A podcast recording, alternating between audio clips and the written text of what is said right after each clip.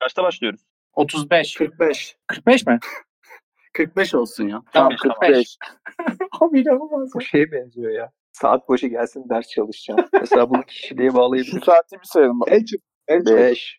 4. 3. Oldu gan galiba. Başardık. Vallahi başardık. Başardık. Zordu. Teşekkürler Metan. Uzun bir aradan sonra.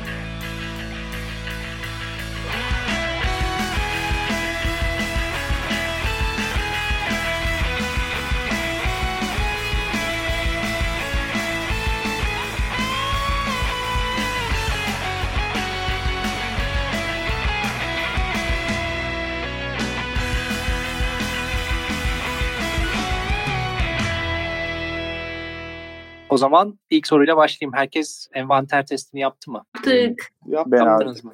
Ben hariç herkes galiba. Ben R2D2 çıktım. Inventor. İşte Evet, hızlı, stimulating diyor. İşte böyle etrafına karşı alerted, dışa dönük ve e, yeni challenge'lara işte böyle kovalayan falan öyle bir şey. Gerçi bunların hepsi biraz pozitif. yani hiçbirinde negatif bir şey yazmadığı için hepsi böyle bir taraftan insanı onurlandırıyor yani. Aynen. Bir çeşit burç, modern burç falı gibi değil mi lan? E, biraz daha tabii empirik bir deney şey bağlı. empirik çalışmalara bağlı ama yani güzel gerçekten. Weaknesses kısmı da vardı şeyde e, rapor kısmında. Orada biraz kötü şeyler var. Evet evet ama yani genelde bildiğin şeyler oluyor. Yani ama bilmiyorum dediği gibi belki yani Burç gibi herkeste şey olabilir böyle ortak bir takım şeyler olabilir. Herkesin aslında yaşadığı problemler hani. Sorular detaylı ama. Evet değil mi? Sorular epey detaylı.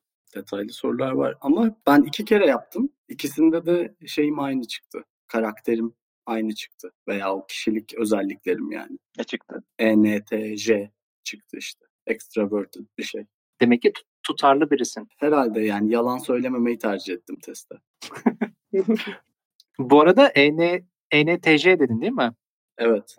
O zaman The Executive'mişsin sen. Evet Leyla oldum ben de. Leyla. Leyla. Tabiri caizse. Şey diyor işte frank, decisive, assume leadership readily. Quickly see illogical and inefficient procedures and policies falan filan. Böyle Aynen gibi. ya. Hep Bizi, güzel bizi, şeyler öt- diyor ama. bizi Hı. öttürüyorsun öyle zaten Uğur. Hakikaten ha. Tam Uğur'u anlatıyormuş yani. Ben şu an fark ettim. Aynen yani bizi durmadan öttürüyor Uğur affedersiniz. Abi niye öyle diyorsun ya? Bundan sonra hiç konuşmayacağım ya. Executive. Aynen ya. aslında şey çok ilginç. Yani aynı soruları cevaplayan insanlara göre bu kadar farklı kişilik yani karakter ortaya çıkartmak gerçekten çok çok ilginç bir deneyim. Yani bir de şeyin farkına varıyorsun aslında yani etrafında çok farklı çeşit insan var ve e, hepsi kendi karakterine işte geçmişteki deneyimlerine göre farklı bir takım iletişim yöntemleri de seçiyorlar. Yani mesela benim en büyük aydınlanmam içe dönük ve dışa dönüklük aslında bir karakter özelliği ve bu çözülmesi gereken bir problem değil. Yani Mesela toplantılarda çok konuşmak zorunluluk olmamalı gibi. Mant mantıklı bir şey söyledim mi? Söyledin söyledin. Öyle baskı bir olan bir ortam varsa söylediğim mantıklı yani. Herkese aynı beklentiye sokmamak lazım. Evet, kesinlikle. Ya orada yani sanki aslında ama- pardon, devam et Fırat. Ben bir gireyim. Ee, orada sanki e, temel bir yanlış anlaşılma var. İçe dönüklükle dışa, dışa dönüklük arasında işte toplantıda çok konuşma, çok konuşmama. Yok abi ben içe dönük bir insanım. Ee, test sonucum da öyle çıktı. Ben dışa dönük insanlar gibi davranabiliyorum. Bunu yapabiliyorum. Ama bu benden enerji götürüyor. Dışa dönük insanlar enerjilerini diğer insanlarla iletişim kurarak depoluyorken ben dışa dönük olarak enerjimi harcıyorum. Ee, yalnız başıma kaldığımda ise şarj oluyorum gibi bir fark var. Ya peki bunu yapmak zorunda hissettiğin için mi kendini böyle yapıyorsun? Yok abi ben keyif alıyorum ee, dışa yani diğer insanlarla konuşmaktan keyif de alıyorum ama enerjim gidiyor. Bir noktadan sonra yorulmaya başlıyorum. Ne bileyim bir partiye gittiğimde akşam 11'den sonra pilim bitiyor ve kaçmak istiyorum. Ama diğer insanlar çok daha işte after partiye gidelim falan diyor. Allah Allah. Tam olarak beni anlattın Fırat ya. after party için mi? Evet. Ama biz bu konuyu seninle konuşmuştuk. Sen bu tanımı bana verdin. Introvert ile extrovert'ün hani sessizlik meselesi olmadığını ama enerjiyi nereden ettiğinle alakalı olduğunu söylemiştin. O zaman çok aydınlanmıştım ben yani. Ondan sonra daha da dikkat etmeye başladım. Ya hakikaten öyle yani. Ama bu 1-0 gibi bir durumda değil yani. Mesela Kesinlikle. ben %65 extroverted çıktım, %35 introverted çıktım. Ee, ben de- herkesin ihtiyacı var yani kendiyle de kalmaya. Tabii. Ben de %51 introvert çıktım. Ee, yani aslında tam ortadayım. Bir de her introvert senin gibi değil aslında. Çünkü e, sen durumun farkına varıp iletişime geçmeyi tercih edebiliyor musun ama tamamıyla içe kapalıp hiç muhabbet etmeyen insanlar da var yani. Evet ama işte mesela bir ekip içinde bu iletişimi nasıl etkiliyor mesela onu da çözmek gerekiyor değil mi? Katılıyorum. Yani şey bir de şöyle bir durum var. Ekibin geneliyle de alakalı. Genel ekibin tamamı daha sessiz ve sakinse belki okey ama ekipten bir kişi çok içe kapalıysa sanki diğer ekstravertler rahatsız oluyor gibi. Ne, ne diyeceğini, nasıl elini ayağını ne, nereye koyacağını bilmiyormuş gibi hissediyorum ben genelde. E, bu arada ben de ekstravert çıktım. Ve gerçekten ben muhabbet etmeyi seven birisiyim. ya bence o ekibin birbirini tanımasıyla da ilgili. Yani birbirini tanıdıkları zaman o karşıdakinin aslında sessizliğinin veya durgunluğunun onlara karşı bir şey olmadığını, o insanın böyle olduğunu anlamaları gerekiyor yani. E, tabii tabii katılıyorum ama şey oluyor. E, o kadar kendisiyle ilgili bilgi vermekten uzak ki onu tanıyamıyorsun. Aslında hani bir durum karşısında ne düşünüyor, ne hissediyor bilemiyorsun. O yüzden de kontrollü davranman gerekiyor. Belki olduğun gibi olamıyorsun gibi oluyor. Bir aşırı introvert bir insanın yanında. Evet, bu da bir challenge. İsveç'te yaşayan biri olarak bunu kolaylıkla söyleyebilirim.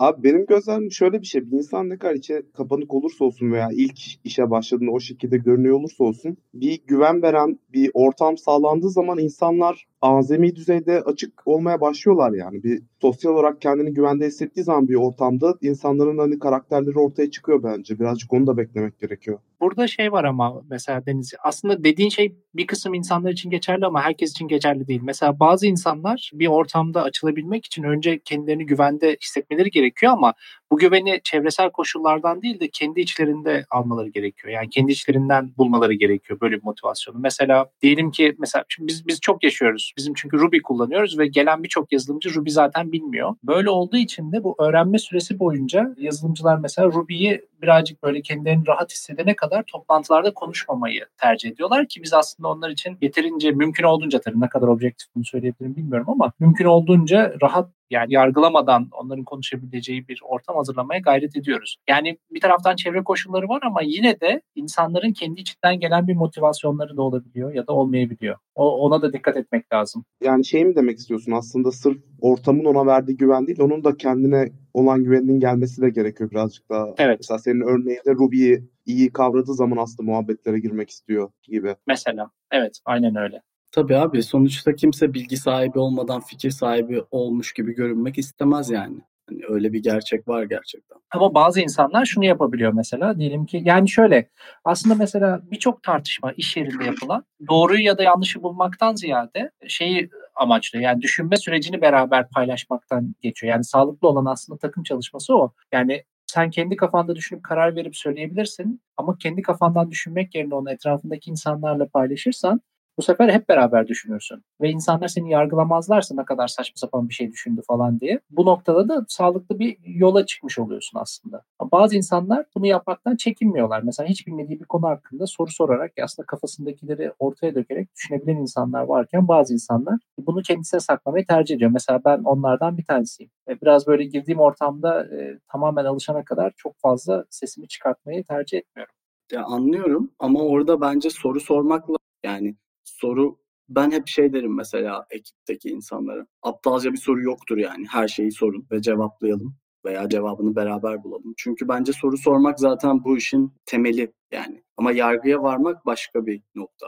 O o konuda bir şey diyemem. Ama soru sorulması her zaman daha faydalı buluyorum ben açıkçası ki Tabii. ben yeni girdiğim bir yere salak salak sorular sorarak alt seviye öyle öyle öğrenmeyi seviyorum mesela. Ha, işte ama bunu herkes yapamıyor onu demeye çalışıyorum. Yani Abi, sen evet, ne tabii. kadar desen de onu bazı insanlar onu tercih etmiyorlar çünkü yapamıyorlar. Bir de şey de var. Her insan yeni bir ortama geldiğinde, yeni bir iş yerine geldiğinde aslında geçmiş tecrübelerini de beraber getiriyor ve geçmiş tecrübeleri her zaman iyi olmayabiliyor yani. O da aslında insanların kendilerini frenlemeye sebep olan şeylerden biri. Evet değil mi? Hepimiz travmalardan ibaretiz. Aynen öyle abi. Bir de Gerçekten geçmiş, öyle. tecrü geçmiş tecrübe olsa bile o anda mesela adam Ruby daha hayatında hiç görmemiş ve belki hani adam senior developer olarak orada bir çalışmaya başlıyor ama hani Ruby ile ilgili böyle çok basic sorular sormaya çekiniyor da olabilir yani. Ben şahsen ilk örnekteki büyük ihtimalle şey yapmadan ve Ruby'ye çok hakim olmadan büyük ihtimalle topa girmeyen karakter değilim herhalde. Abi bende de şöyle bir şey var. Ben birazcık yanlış bir tavır olabilir ama çok atlongocum yani bu konularda. Yani bir ortama girdim falan hiç bilmediğim bir şey tartışıyor veya az bildiğim bir şey tartışılıyor falan böyle bir hemen konuya bir yerden dahil olup şey yapmak istiyorum yani. Çok böyle derin sessizliklere sebep olduğum oluyor o yüzden. Sen girişimci mi çıkmıştın testte? Aynen. Sürekli Be- beni sessizlik rahatsız ediyor abi ya. Abi o herkes rahatsız ediyor bence. Ama ben o işi bozmak için bir şey yap- yapmaya çalışıyorum. Bazen saçmalıyorum o yüzden. Kontrolden çıkıyor değil mi? Sonra rahatsız oluyor musun Deniz? Yani üf ya keşke bunu sormasaydım diyor musun? Ya eskiden olurdum da şimdi o kadar takmadığımı fark ettim ya. Hani ikinci bir şans daha deniyorum. Deniyorum yani sürekli bir şekilde tutuyor. Peki sizce, peki sizce yazılımcılar genel olarak dışa dönük mü içe kapalı mı? Ne dersiniz? Zor soru. Çok zor soru ya. Ben sadece de- bir şey gözlemledim. Pardon sen söyle Fatma.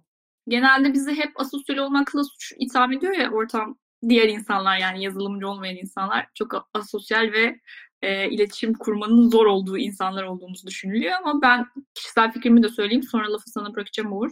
Yani aslında hepimiz sayısal işlerle uğraştığımız için ve az çok lojik konusuna hakim olduğumuz için aslında e, iletişime açık ve anlaşılabilir ve makul donaları kabul edebilir insanlar olduğumuzu düşünüyorum. Her ne kadar iletişim kurmaya istekli olmayanlarımız çoğunlukta gibi görünse de. Benim buradaki gözlemim şey oldu. Son 5 yılda veya böyle 7-8 yılda tabii kendi tecrübemden yola çıkıyorum ama yazılımcıların bu stereotip işte introverted işte şişman evde gözlüklü oturup böyle ekmek kırıntılarının içinde kod yazan biri olmaktan çıktığını düşünüyorum. Çünkü artık sistemler o kadar büyüdü ki bu bunun bir ekip işi olması zorunluluğu oldu ve bu yüzden o stereotipin de artık değiştiğini gözlemliyorum ben. Bilmiyorum siz ne düşünüyorsunuz? Ben katılıyorum buna. Aslında stereotip mi değişti yoksa aslında yazılımcı sayısı mı arttı? Bir de öyle de bakmak lazım. Yani zaman içerisinde çok fazla artık yazılımcı var ve aslında yazılımcıya çok ihtiyaç var. İhtiyaç çok olduğu için çok fazla yazılımcı var. Ama hani 1980'lere 70'lere gidersek yazılımcı sayısı gerçekten çok az. Dolayısıyla o tarz stereotiplerin aslında biraz daha bu şeyi or- ortamı domine etmesinin belki de sebeplerinden bir tanesi de budur. Ee, yani orada kendilerini ifade edebilecekleri bir meşgale yapılmış olmaları ama dediğine kesinlikle katılıyorum artık çok farklı. Yani yazılımcılar öyle şey değil. Ee, kendi başına oturup e, sadece geceleri kod yazan insanlar değil. Yani çok daha sosyal e, insanlar artık. Zaten bir taraftan da yazılım firmalarındaki e, kültür de giden kültür de biraz onu aslında istiyor. Evet abi bir de şey genelde belki şöyle bir algıdan dolayı mı acaba? Hani yazılımcı dediğin insanlar en azından böyle birkaç saat boyunca bilgisayarda sürekli bir şeye bakıp işte kulağında kulaklıkla ve kod yazmayı seven insanlar. Yani sosyal de olsa aslında birkaç saat boyunca bilgisayarı gömülüp bir şeyler yazabiliyorlar ya. Belki dışarıdan bakınca öyle bir şey algısı mı var acaba? Ya bu yazılımcılar sürekli bilgisayar başında insanlarla iletişim kurma konusunda çok başarılı değiller vesaire. Ya da geçmişteki işte yazılımcıların az olduğu dönemde işte yazılımcı dediğin insan zaten böyle okullardan falan böyle çok değil de işte biraz kişisel tecrübeyle öğrenilen bir şeydi ya daha eskilerde. İşte kişisel tecrübeyle öğrenen insanlar da işte yani başka o stereotipe giriyordu. Belki o yüzden mi hala öyle bir algı var bilemiyorum.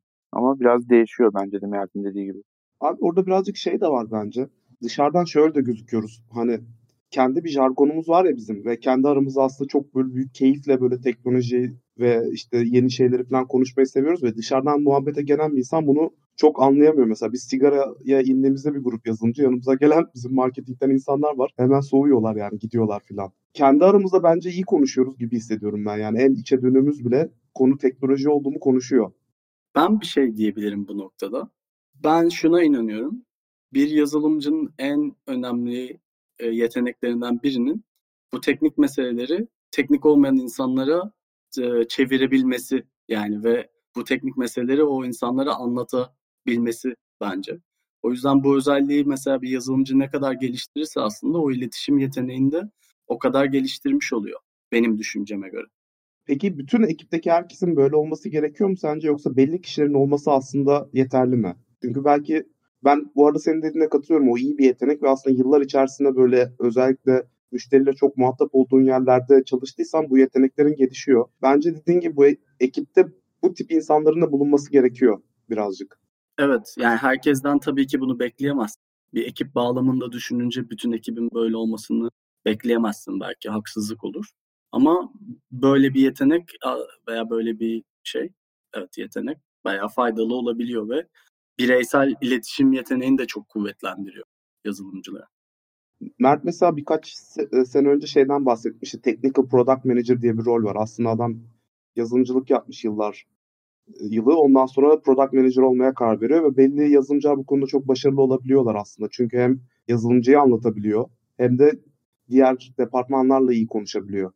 Evet yani o bence çok önemli ama bir taraftan da şöyle bir şey var. Şimdi aslında mesela diğer departmanlara gelmeden ekip içerisinde de bazen insanlar birbirleriyle anlaşamıyorlar. Yani çatışmaya çok fazla giriyorlar. Yani aynı ekipte çalışan, aynı işi yapan insanların karakterleri normal olarak birbirinden çok farklı olabiliyor. Burada belki şeyden de konuşmakta fayda var. Yani yazılımcılar günün sonunda eğer içine kapanıksa ya da mesela dışa dönük de olsa önemli değil. Bu tarz şeylere birbirlerinin karakterlerine bağlı olarak çatışmalara girebiliyor. Çünkü aslında birbirinin mesela farklı karakterleri görmüyor. Diyelim ki birisi mesela konuşurken çok kaba görünüyor ama aslında o kişi kaba olmak istemiyor ya da kaba olduğunun farkında değil ya da kaba olmayı amaçlamıyor ama karşı taraftakiler onu algılarken kaba olarak algılıyor. Ama aslında mesela öyle davranan mesela şu anda başıma geldiği için aslında çok böyle spesifik bir örnek verebildim. Ekipteki kişi aslında sadece efektif bir şekilde aklındakini karşı tarafa anlatmak istiyor. Sosyalleşmek istemiyor ve bu karşı taraftan kaba gibi görünebiliyor. Mesela böyle şeyler, böyle bu tarz çatışmalar başınıza geldi mi? Ee, Birebir aynısı geldi. Birebir. Yani Hadi ya. de geldi. Evet. Yani şöyle oldu. Ben ilk başta mesela iş, ben kendimden örnek vereyim. İşle ilgili bir şey sormak için birisinin yanına gidince direkt e, uzun bir zamandır da konuşmadıysam falan direkt o konuya girmeden önce ne haber nasıl gidiyor falan filan diye halini hatırını sormayı seviyorum. Biraz da nezaketli buluyorum. Ama mesela karşındakine ne haber falan deyince o sana iyi falan diyorum tek kelimeyle. Ondan sonra sen birazcık hafiften bozuluyorsun ama artık yani şey tecrübenin de verdiği şeyle sonra ben artık bozulmuyorum. Eskiden daha çok bozuluyordum buna işte insan bir sen ne yapıyorsun falan der gibi. ama şimdi direkt devam edebiliyorum. Sonuçta herkesle arkadaş olacağız diye bir şey yok. Adam olaya profesyonel olarak yaklaşıyor olabilir ve seninle sadece iş konuşmak istiyor olabilir. Aynen öyle. Hatta nohello.com diye bir web sitesi var bu konuyla ilgili. Yani mesela iş yerinde diyor ki Slack'ten mesela benim başıma geliyor bazen. İnsanlar iyi niyetle şey diyor. Slack'ten mesaj atıyor bana diyor ki abi merhaba ne haber Mert nasılsın? Ben de diyorum teşekkürler iyiyim sen nasılsın? Sonra böyle 15 dakika sonra geliyor. Hafta sonu ne yaptın nasıldı? Bunu mu merak ediyorsun yoksa soruya mı yani konuya mı geleceksin artık? Yani artık gel şu konuya anlat ne nasıl yardımcı olabilirim sana? İş gücüm var gibi hissediyorum bazen. Ama abi işte o da aslında hemen onu sormak istiyor yani ama işte insanların üstünde bir sosyal baskı var ya hani ya bu seremoniyi yapmamız lazım. Aynen. Abi bu small talk meselesi İsveç'te çok büyük problem. gerçekten yani gerçekten problem. Yani özellikle hafta sonu ne yaptın sorusu bazen beni benden alıyor yani. Hani cevap vermek istemediğimden değil ama her hafta aynı soruyu almak hani çok yorucu oluyor. Ve hani gerçek cevaplar da vermiyorsun bazen veya nasılsın sorusunda iyiyim deyip geçiştiriyorsun. Bok gibiyim diye demiyorsun yani. yani çünkü desen öbür taraf böyle Allah ne yapacağız falan bu sefer o panikliyor. O yüzden hani birazcık sıkıntılı konu ama ne bileyim onun bir dengesi var. Hani tutturmak lazım. Bir de karşıdakine göre, karşındaki insanı tanıdığın zaman nasıl konuya gireceğini bilebiliyorsun yani. Karşındaki karaktere göre şey yapman gerekiyor. Biraz kendi iletişim yöntemini de e, değiştirmen gerekiyor yani. Tecrübeyle geliyor bu da. Ya bununla ilgili şey var. Ee, mesela ilk buraya geldiğim zaman yani Londra'ya geldiğim zaman burada şöyle bir karşılama var. Yani mesela birisiyle yolda karşılaşırsam mesela Türkiye'de ofiste kahve almaya gidiyorsun ya da işte ofise yeni gelmişsin. Selam diyor, günaydın diyor falan. İngiltere'de tek denen şey alright. Sana sadece alright diyor. Sen de ona alright diyorsun, geçiyorsun. Ama bunu benim anlamam zaman aldı. Birisi bana gelip böyle karşıdan alright ya da işte mesela are you alright dediği zaman ben ona gerçekten bunu merak ettiğini zannedip Aa işte iyiyim, işte sabah şöyle oldu, böyle oldu falan anlatmaya çalışıyorum. O bayağı beni zorlamıştı ilk geldiğim zaman. Şimdi sen onu deyince, small talk deyince o aklıma geldi. Kültür şoku işte. aynen öyle, aynen öyle. Garipti yani. Ya ben small talk seviyorum ya. Siz şimdi böyle deyince biraz ofend oldum. Acaba ben insanları rahatsız mı ediyorum diye. Ne haber hafta sonu falan ben sormayı seviyorum ya. tamam ben biraz azaltayım. Ben de eskiden dediğiniz gibi yapıyordum da artık şey yazıyorum ya direkt ilk girer girmez işte selamlar abi ne haber dedikten sonra daha enter'a basmadan sorumu soruyorum. Ondan sonra karşıdan artık ne cevap gelirse aynen, aynen. Bazen iyiyim diyor, bazen direkt sorunun cevabını veriyor. Aynen abi. Sanki o birazcık çalışıyor gibi bende de. Abi ama bu işin sonu hani sonuçta günün 10 saati falan iş yerindeyiz. Ee, yani biraz da konuşmamız lazım insanlarla. Tamam hemen işimizi yapalım hadi bitirelim e, kafası insanı bir noktada sıkmaz mı ya? Şey demek istiyorum. Aslında İsveç'te onu gene çözmüşler. İki tane şey var söyleyeceğim. Birincisi uzaktan çalışan bir arkadaş. Onunla her zaman small talk mesela. Fix. Onu asla pas geçmiyoruz. Çünkü o bir hani kaynaşma şeyi ve onu bir kural olarak koyduk. İkincisi de mesela İsveç'te işte fika diye bir konsept var. Ara veriyorsun. Genelde sabah 10'da ve öğlen 3'te oluyor. Ve o süreçte mesela genelde iş konuşulmuyor. Herkes bir araya gelip kahve içiyor. Ve o sosyalleşme ihtiyacını orada gideriyorsun mesela. Öyle çözülüyor. Ee, biz de onu yapıyoruz abi. Fika yapmaya başladık biz de. Ee, Birçok ekip yapmaya başladı. Aynen dediğin gibi ama bizde şöyle de bir rotasyona çevirdik. Her hafta takımdan birisi Fika'yı host ediyor. Yani işte kekmek alıyor. Ondan sonra orada yarım saat hiç iş konuşmadan sadece sohbet edip kek yiyip kahve içiyoruz. İşte aynen biz de fika diyoruz zaten ona. Senin tam olarak anlattığın şey. Bir taraftan da bu bizde şöyle bir şey oldu aslında. Şöyle bir avantaj sağladı. Biz mesela bir departmanla iletişim kur mesela destek takımıyla support, first line support takımı var. First line support takımına e, çok ciddi şeyler yaşadık zamanında. Friction'lar, böyle çekişmeler, başka iletişim problemleri vesaire yaşadık. E, onlar çünkü epey stresli çalışıyorlar. Mesela onlarla da fika yapmaya başladık. Ayda bir kere e, bir takımlarından bir tanesi şey yapıyor onlarla. Fika'ya davet ediyor. Fika'da oturup kahve içiyoruz, sohbet ediyoruz ve ilişkilerimiz inanılmaz iyi boyuta geldi. Yani artık bir sorun olduğu zaman üst kata çıkıp bizim yanımıza gelip direkt yanımızda oturup problemi beraber çözüyoruz ya da biz aşağıya davet ediyorlar. Yani bütün problemlerimizi çözdü o. Abi çok e, komik oldu çünkü bizde de aynı mesele var. E, ve gene üst kat alt kat şeklindeydi. Biz de işte aynı yöntemleri uyguladık. Hatta böyle bir Erasmus programı başlattık. İşte hafta boyunca ekipten bir kişi ya da iki kişi yer değiştiriyor. Biri diğer takımla çalışıyor, biri öbür takıma gidiyor falan. Ee, hem hani knowledge sharing yaptık hem de birbirlerini tanımalarını sağladık falan. Çok efektif oldu. Ve işte o fikalar, bir arada takılmalar falan bayağı hani so yani team building activity gibi düşünebilirsin aslında bunu. Bir de şey yapıyoruz biz departmanlar arası. Lean Coffee yapıyoruz. Oturup hmm. e, Lean Coffee konseptiyle tartışıyor departmanlar.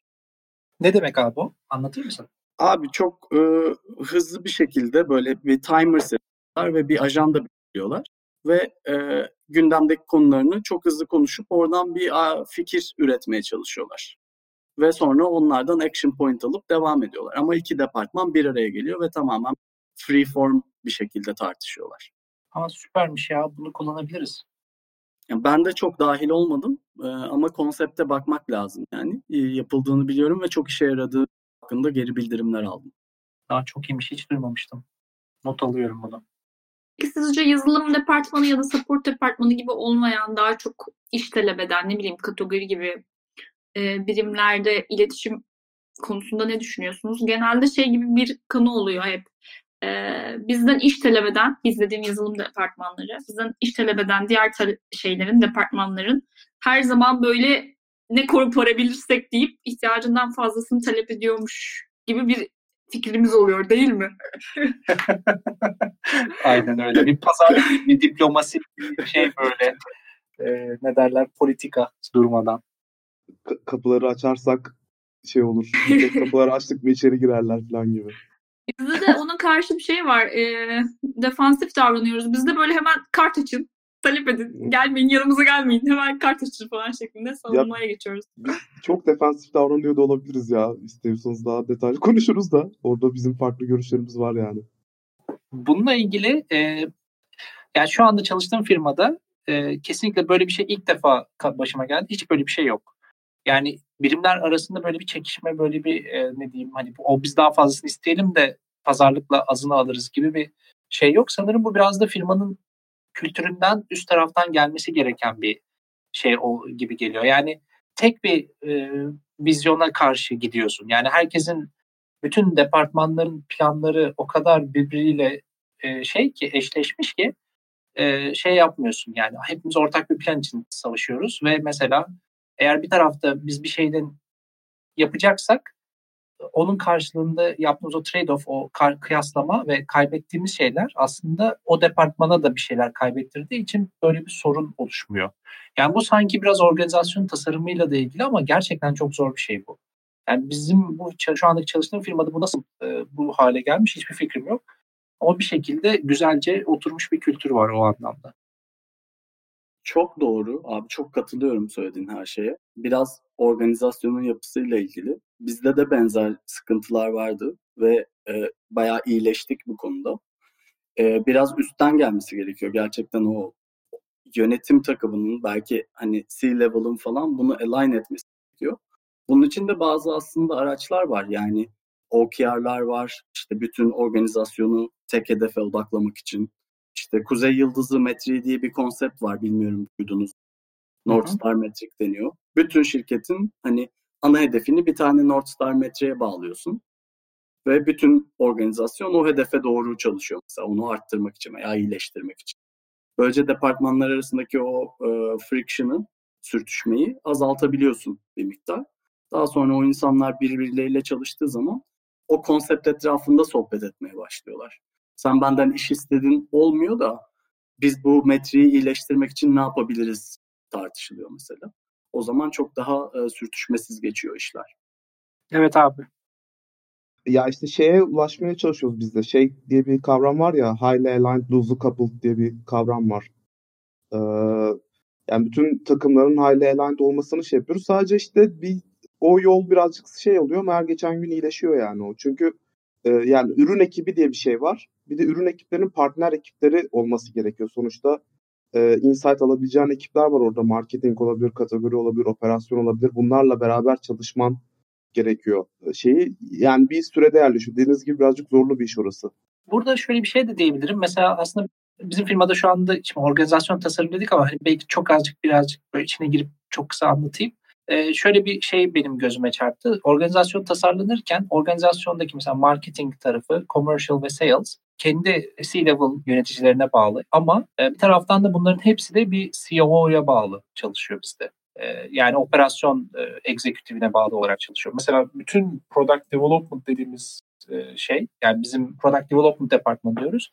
İçinde güvenlik var, e, tasarım var. E, ondan sonra veri şey var. Data science'lar işte bu yapay zeka ile çalışan ekip var. Yazılımcılar var, product ekibi var. Bunların hepsi günün sonunda iki kişiye bağlı. CTO ile CPO'ya, Product Officer'la Tech Officer'a bağlı. Onlar da CO'ya raporluyorlar. Dolayısıyla şeyler biraz daha azalmış oluyor ortak şeylerden çıktığı için.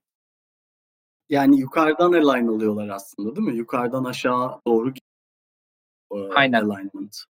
Öyle Aynen olması abi. yani en iyisi diyemem tabii ama e, en çok diye düşünüyorum ben de. Evet, bir yöntem. Peki mesela şöyle biraz yani geçmişe dönersek bugüne kadar yaşadığınız en büyük e, çekişme neydi diğer ekiplerle? Yani mesela başka departmanlarla olur. Böyle bir örnek var mı aklınızda verebileceğiniz? Ve nasıl çözdünüz? Yani çekişme çekişme denemez belki ama şimdi mesela bizdeki yapıda şey var. Ürün ekipleri var. Ürün ekiplerinin kendi OKR'ları var ve ona doğru koşuyorlar. Ama başka insanların da yani işleri olabiliyor. Başka departmanların da işleri olabiliyor. Onların bir türlü önceliklendirilememesiyle ilgili sıkıntılar yaşanabiliyor.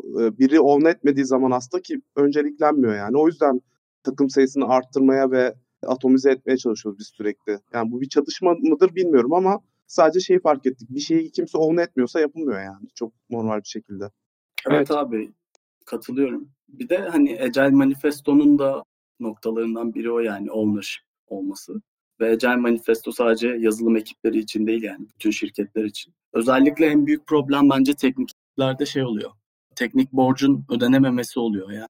Hiçbir zaman mesela teknik borç önceliklendirilmiyor. Çünkü işte ürün ekibinin kendi hedefleri var ama o yazılımında çalışması gerekiyor. Yani inanılmaz bir efor gerektiriyor yazılımın ayakta durması. Hı.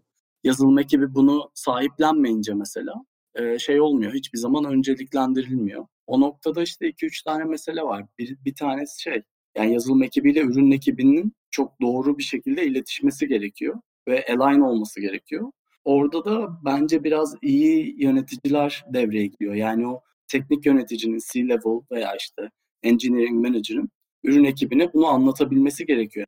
Böyle böyle bir derdimiz var. Bu paket güncellemesini yapmamız lazım. Bu da bir sprint tutacak. Ve bunun hani buy-in'ini alabiliyor olması gerekiyor bence. Benim gördüğüm en büyük çatışma şeydi bu arada. Onu da söyleyeyim. Yazılım ekibinin konuya dahil olmadan e, anlamsız, saçma sapan, e, aşırı snowball olmuş feature'ların istenmesi mesela. Hiç böyle üstünde düşünülmeden biz bunu istiyoruz deyip teknik hiçbir e, düşünceyi almadan böyle olacak falan denmesi bence çok yanlış. Çok ciddi problemlere ve aslında çok ciddi para kayıplarına da sebep oluyor uzun vadede.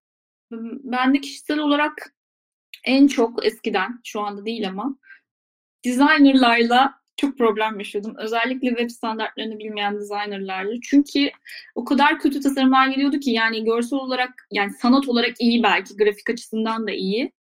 Ama yani web'e uyarlamanıza imkan yok. Hatta piksel kullanmayanı mı ararsınız? Mobil tasarımının desktop'la alakasız olanını mı ayar, ararsınız? Yani böyle şeylerden ben e, vakti zamanında çok çekmiştim. Allah'tan şu anda e, designerlar daha e, bilinçliler web standartları ile ilgili olarak. O yüzden geçmiş tecrübelerimde en çok designerlarla çatışma yaşadım ve bunları çözmek için de kavga gürültü ettiğimiz oldu yani. E, çözülemiyor zaman zaman. O yüzden şey oluyor. Mesela siz gelen tasarımı standarda uydurmaya çalışıyorsunuz. HTML'e, CSS'e çevirmeye çalışıyorsunuz. Sonra tasarım bir yerinden bozuluyor. O da sonra gelip ben sana bunu mu verdim falan diyor. Ben de diyorum öyle böyle falan. Yani bir türlü oturmamış bir designer frontend ilişkisi geçmişim var.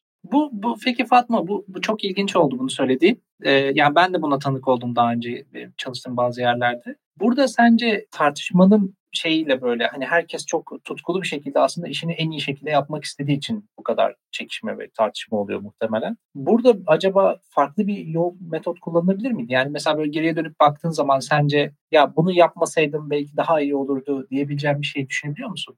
Aslında şey yani düşünüyorum tabii ki. Onun web standartlarına yani onun dediğim designerların, çalıştığım designerların web standartlarına daha hakim olmaları için belki kaynaklar sunabilirdim. Bak abi burası böyle olmuyor, bu böyle olması lazım. Yoksa bu e, oturmaz sayfaya falan filan gibi daha yapıcı konuşmak gerekirdi belki birçoğuyla ama e, yapıcı geri bildirime de açık değillerdi genellikle. Yani beni az çok tanıyorsunuz. Öyle kavgacı bir insan değilimdir ama gerçekten canımı burnuma getirdiği anlar olmuştu ve çok sorun çıkaran bir tip değilimdir ama bir özellikle bir eski şirketimde bayağı bununla ilgili e, üst seviyelere kadar gitmişti konu. O bayağı eskale oldu yani. Evet evet. Ama ben kazandım.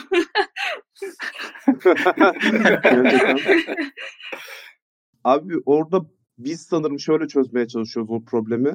Yani bu designer, product, yazılımcı ay, ayrı şeyler değil, aynı şeyler. Yani ürün ekibi dediğin içerisinde bu insanların olması gerekiyor ve sürekli beraber çalışıp sürekli beraber konuşmaları gerekiyor şeklinde biz düşündük ve bu takımları bu şekilde organize ettik. Yani bir engineering takımı yok. Herkes product takımı. Designer da var içerisinde bunun. Product manager da var, tech lead da var, engineer'lar da var. Hepsi bir arada konuşup problemlerini çözüyorlar. Yani takım yapmak insanları gerçekten zor ama. Özellikle farklı disiplin, disiplinlerden gelen insanları. Yani mesela tek, technical debt olayını da öyle çözdük. Hani product manager'larla konuşarak bunun ne kadar önemli bir konu olduğunu anlataraktan mesela onu o şekilde çözdük. Aynı şekilde Fatma da bilir. Designer'lar şu an mesela grooming öncesi toplantılarda aktif bir şekilde yer alıyorlar ve yani şey yapıyorlar. Mobil developer, front-end developer, pro- product manager bir araya girip tasarım tartışıyorlar mesela. Kimse kendi başına bir karar vermiyor. Ben Armut'taki designer arkadaşlarımdan çok mutluyum ya. Hiç burayla ilgili söylememiştim söylediklerimi. Bir de ben de şöyle bir şey öğrendim. Normalde e, designerların da mesleki zorlukları var. Bence bunların en büyüğü de herkesin yani gelip kimse sizin kodunuz hakkında yorum yapamıyor ama dizayn konusunda herkesin bir fikri var ve herkes eleştirel yaklaşabiliyor. Tabii ya. Dolayısıyla artık insan yani onlar da bir noktadan sonra kritikleri şey dikkate almıyorlardır muhtemelen yani hissiz kalıyorlardır bu konuda diye düşünüyorum. O yüzden mesela ben kendime çıkardığım derste eğer çok benim işte koduma, benim structure'ıma, işte çıkardığımız design guide'a aksi bir şey gelmiyorsa hiç eleştiride bulunmam yani. Yeşilse yeşil, morsa mor ne diyorsa tasarımcı onu koyarım geçerim. Abi ufak orada hemen oraya girip bir şey söylemek istiyorum. Bence artık bir noktadan sonra problemleri kişiler üzerinden çözmek değil de sistemle çözmen gerekiyor yani. İşte evet. bir design guideline oluşturulması mesela bir sistem. Bunu ortaya koymak gerekiyor. Bir standart ortaya koymak gerekiyor. İletişimini de bu standartlaştırmak gerekiyor. Aynen öyle. Mesela Evet evet katılıyorum. Mesela şu anda şey e, griyi çok sever designerlar. Bu gri'nin yani Fifty Shade of Grey yani öyle söyleyeyim. Mesela şu anda bizim CSS variable'larında 14 farklı ton gri var. E, son gelen tasarımda bir tane bizde olmayan farklı bir başka gri gelmiş ve artık onu söyledik ya Marco'cum bu griyi bunu kullanmıyorum şunu kullanıyorum falan diye. O da tabii ki bir şey demiyor öyle olunca. Gerçekten bir şeyi sisteme oturtmak gayet faydalı. Orada ilginin dediği çok güzel bir şey var. Genelde bu sürtüşmeler veya çatışmalar aslında insanlarla çözülmüyor. Orada bir süreç eksik ve o süreci aslında tespit edersen ve o süreci doğru bir şekilde oraya implement edersen o sürtüşme ortadan kalkıyor. Genelde sürtüşmeler o iki insanın veya iki grubun birlikte ne yapacağını bilmemesinden kaynaklanıyor. O sürtüşmeyi gidermenin yolu da ilginin dediği oraya bir sistem getirmek yani. O sistem geldiği zaman işler yoluna giriyor ve burada en önemli şey tabii ki iletişim yani doğru bir şekilde iletişmek. Ya bana gün içinde kaç kere oluyor bilmiyorum ama görüyorum mesela bir Slack kanalın kanalına biri bir şey yazıyor ve işte ne yapacağım falan paniklemiş böyle. Gidiyorum yanına ve alıp böyle konuşması gereken insana götürüyor. Siz konuşun bu problemi çözeceksiniz diyorum. Ve konuşup çözüyorlar mesela. Bu noktada tabii biraz şanslıyız. Şirketimiz ufak yani. Ama orada işte işin içine tabii önceliklendirirken vesaire bazen politika girebiliyor, başka hesaplar girebiliyor. O konuya e, nasıl girilir, nasıl halledilir o da apayrı bir konu. Abi aslında şey çok güzel bir şey söyledin. Mesela ben de bunu çok fazla görüyorum. Bir problemi Slack'ten çözmeye çalışıyorlar. Ya da mesela bir bir tartışmayı GitHub'tan yapıyorlar ama aslında aralarında sadece 3 metre var. Mesela Şimdi bazı insanlar yazarak e, iletişim kurmayı tercih ediyorlar. Buna kesinlikle anlayış gösteriyorum ama bir taraftan da bakınca çok zor yazarak bir problemi çözmek. Yani mesela basit şeyleri çözebilirsin ama bir tartışmayı, teknik bir tartışmayı ya da bir e, mesela diyelim ki isterlerle, projenin isterleriyle ilgili bir, bir tartışma var. Bunları yazarak yapmak gerçekten çok zor ve iletişimi direkt olarak baltalayan bir şey bu. Bu, bu durumda aslında yani bir şey yapmak güzel. Yani böyle bir o dediğin gibi onu alıp oraya götürmek çok çok faydalı bir şey yani. Peki hiç şöyle bir şey yaşadınız mı? Bir proje yapılacak veya bir ufak bir mikroservis tasarlanacak, bir şey tasarlanacak ve ekipteki işte iki backend developer, frontend developer bunun nasıl yapılacağıyla ilgili farklı fikirler sunuyorlar ve ikisi de kendi fikirlerinde ısrarcılar. Hiç şöyle bir anınız geldi mi?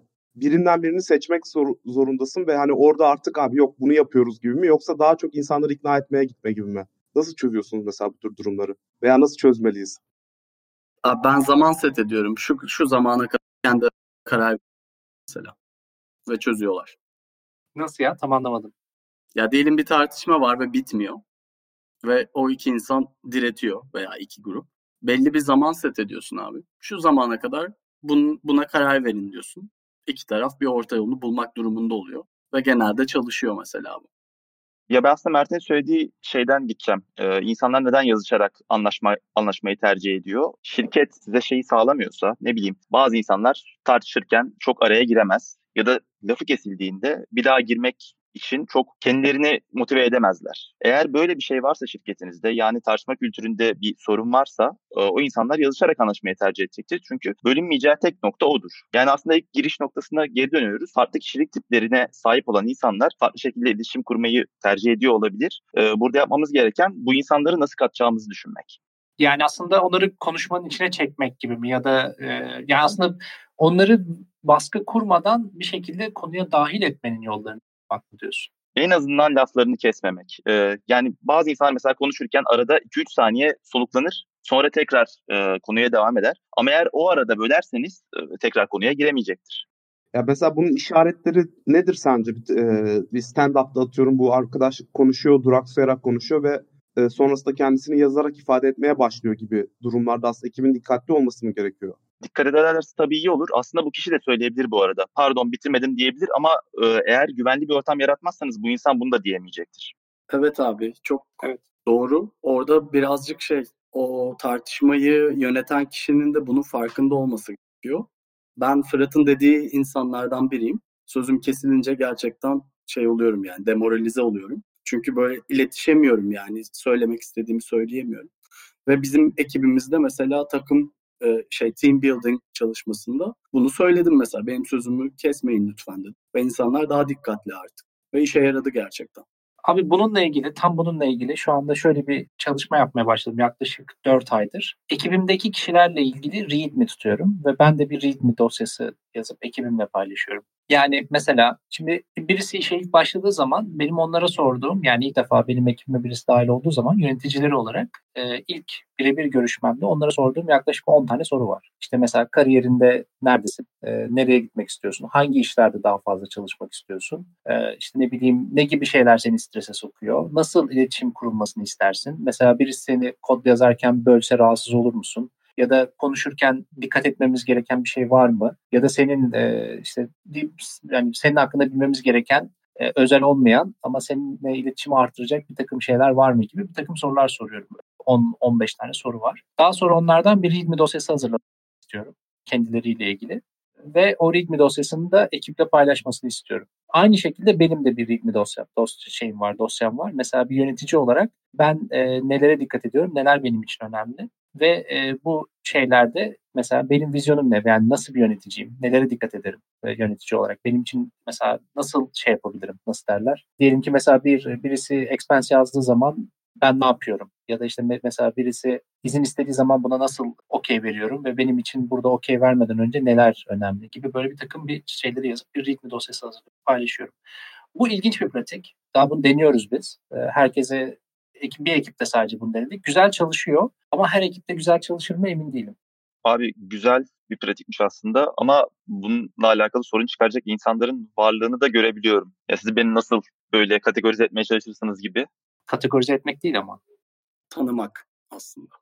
Aynen öyle. Yani orada karakterini yaz demiyor seninle nasıl iletişime geçmemizi istersin? Anladım, Bizim bilmemizi anladım. istediğin senin için önemli bir şey var. Mesela Uğur şey diyebilir o noktada. Ya benim sözümün kesilmesinden rahatsız oluyorum. Ya da mesela şöyle bir şey yazan gördüm ben. Ben biraz yavaş düşünüyorum. Toplantılarda biraz sessiz kalıyorum. Çünkü çok hızlı pratik bir şekilde düşünemiyorum ama toplantıdan sonra aklıma geldiği zaman e, şey yapabiliyorum. Eğer sessizsem sizi ignore şey yaptığımı, e, göz ardı ettiğimi düşünmeyin diyor mesela. Öyle bir, yaz, bir şey yazan birisi vardı ve bu inanılmaz mantıklı geldi. yani herkes onu okuduğu zaman şimdi anladım dedi. bu arada bir şey söylemek istiyorum. Aslında başından beri konuştuğumuz bütün problemleri çözüm değil mi bu?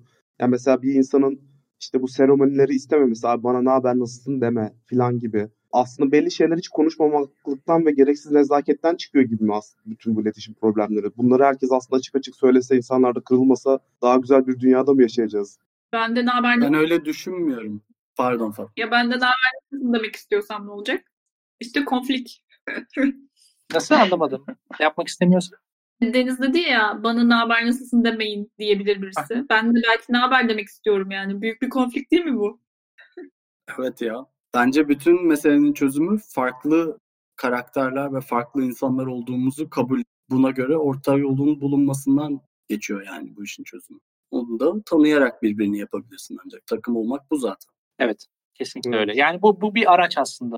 Bu araçlardan bir tanesi. Dediğim gibi deney yapıyoruz. Şimdilik çalışıyor gibi görünüyor ama bakacağız hani ne olacağını.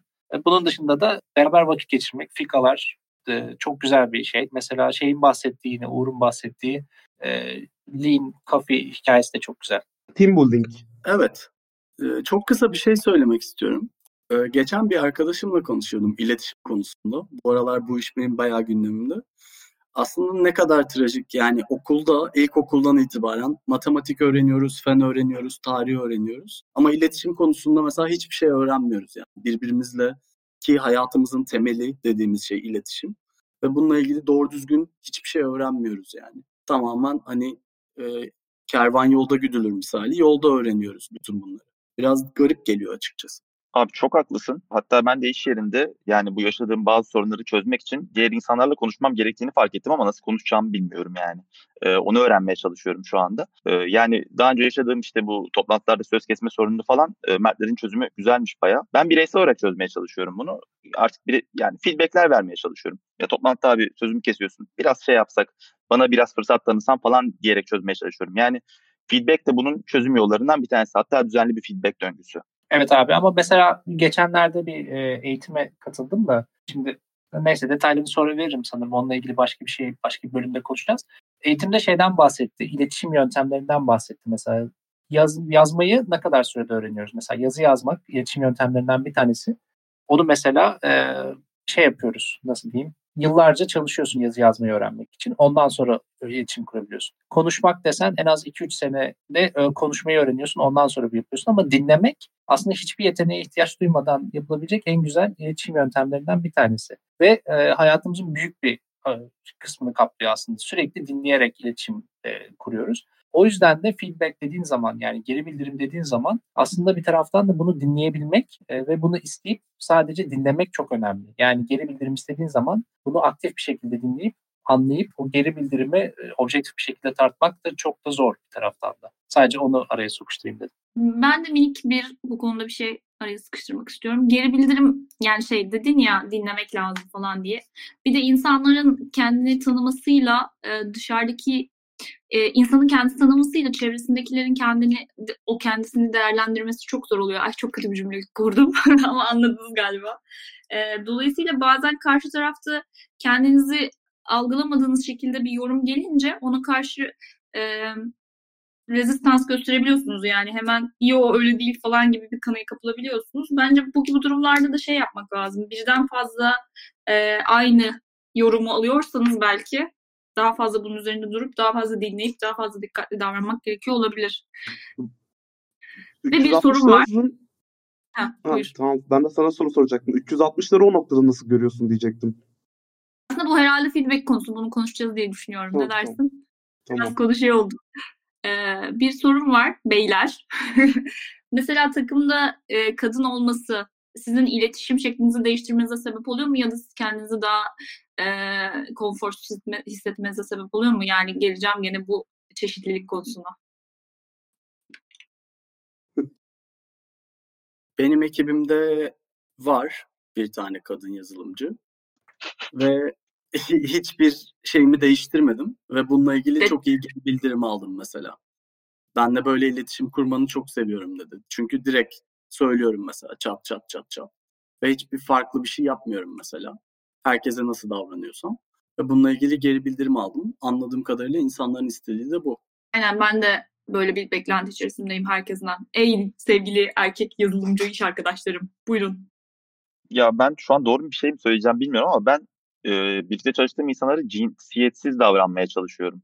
Yani e, görmemeye çalışıyorum bunu. Yani görmemeye çalışıyorum da değil de doğalı böyleymiş gibi geliyor bana. Ama bunu bir arkadaşıma söylediğinde yani iş yerindeki bir arkadaşıma söylediğinde bundan biraz alındı. O da garibime gitti mesela. Yani benim için e, X konusunu tartışıyorsak e, bunu kimle tartıştığımın çok da bir önemi yok sonuçta. Çözüme ulaşmaya çalışıyoruz. Ama yine de bozulduğunu hissettim. O da bir garipti benim için. Burada şey de var tabii aslında ya aslında çok karmaşık bir konu. Kültürel olarak da ciddi farklılıklar var. Ee, ve bu yani nasıl baş edilir tam emin değilim ama Türkiye'de mesela çalıştığımda e, bir firmada bir mesela kadın yazılımcılar varken onlar farklı bir iletişimi istediklerini hissediyordum. Yani nasıl diyeyim biraz daha belli konularda dikkatli olmamı e, istediklerini hissediyordum. Onu şey yapıyordum. Bunu istemeyenler de vardı mesela. Gayet rahat aynen Uğur'un dediği gibi hiçbir şey fark etmeden e, aynı şekilde normal iletişimimi kurabiliyordum. Bazılarında biraz daha hassas davranmam gerektiğini hissediyordum aldığım şeye göre. Ama mesela şu anda ekibimde çok fazla kadın yazılımcı var ve hiçbir farklılık yok yani onlarla aynı diğer e, erkeklerle, kadınlarla ya da eşcinsellerle hepsiyle aynı şekilde iletişim kuruyorum ve çok kendimi rahat hissediyorum gerçekten. Hani bu hem benim için önemli çünkü kendimi rahat hissedebilmem ve kendimi nasıl ifade ettiğim çok önemli. Hem de karşımdaki için önemli olduğunu düşünüyorum. Evet abi katılıyorum dediğine hani senin performansını da etkiliyor yönetici olarak veya bir peer olarak. Ben burada şeyi önemli görüyorum ya. Cinsiyetten veya işte milletten veya kültürden bağımsız olarak birazcık empati yeteneği gerektirdiğini düşünüyorum bunun. O empati yeteneğin varsa her kimsen yani feedback veriyor olabilirsin, alıyor olabilirsin hangi noktadaysan. O empati yeteneği senin karşında kendini karşındakinin yerine koyarak onu aslında daha iyi dinlemene yardımcı oluyor. Bu yeteneği geliştirdiğin zaman otomatikman zaten iletişim daha e, e, akıcı bir hale geliyor veya daha problem bir hale geliyor diyebilirim. Benim gözlemim bu uzun vadede. Evet. Ya bana şey zor geliyordu. Belki kadın erkek gibi genelleştirmemek lazım. Ee, yani bir insan karşısı kendisiyle nasıl iletişim kurmasını istiyorsa o şekilde iletişim kurmalısın ama sen o şekilde iletişim kurmak istemiyorsan yani bu çok zor bir şey değil mi ya? Ne demek istediğini anlamadım çok. Ha, yani benim beklentime cevap vermek zorunda değilsin gibi mi?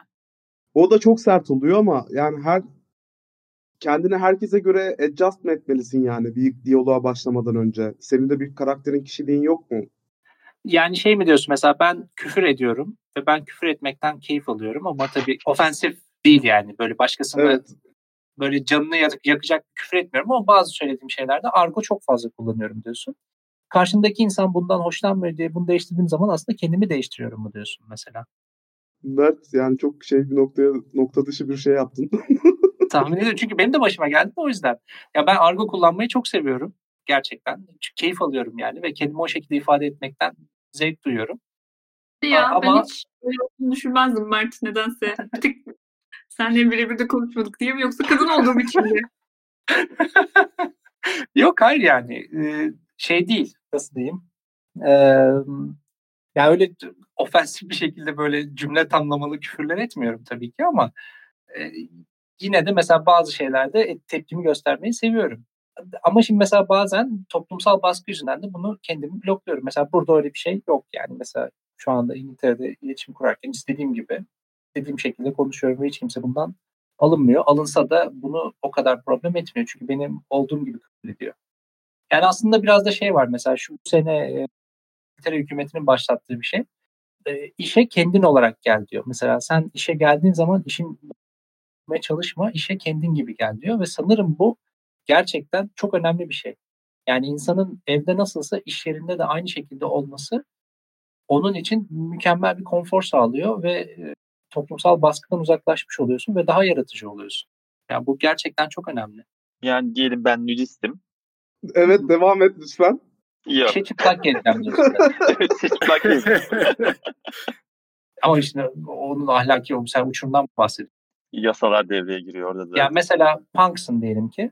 Saçlarını kırmızı boyamak istiyorsun. Ortasını kırmızı, yanını mavi, bir tarafında uzat, uzatmak istiyorsun. İşe öyle gelebilmelisin. Ya da deri pantolon, daha çok dar bir deri pantolonla giyip işe gelebilmelisin. Ki öyle Çünkü insanlar çok fazla görüyorum. Yani. Aynen ben de burada çalışıyorum. Bas gitaristim. Evet abi dress code olayı biraz saçma ya.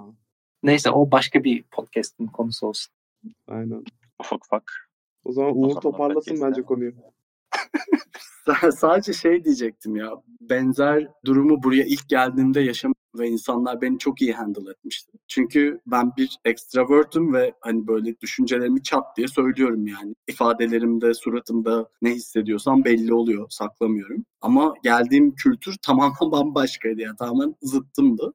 Ve bu insanlar e, hani o kadar iyi handle ettiler ki yani ondan sonra hani şirketin kültürü zamanla hani benim gibi insanları da kaldırabilecek hale geldi. Benim gibi insanlar da işe ama hani başka insanlar da işe aldık ve bütün bu farklılık tek bir potada eriyip hani başarılı bir şey çıktı ortaya yani. Hani orada birazcık müsamaha ve e, karşıdakini dinlemek, anlamak da önemli deyip Evet yani benden değil diye başkalarını Aynen. dışlamamak gerekiyor. Onu anlamak gerekiyor.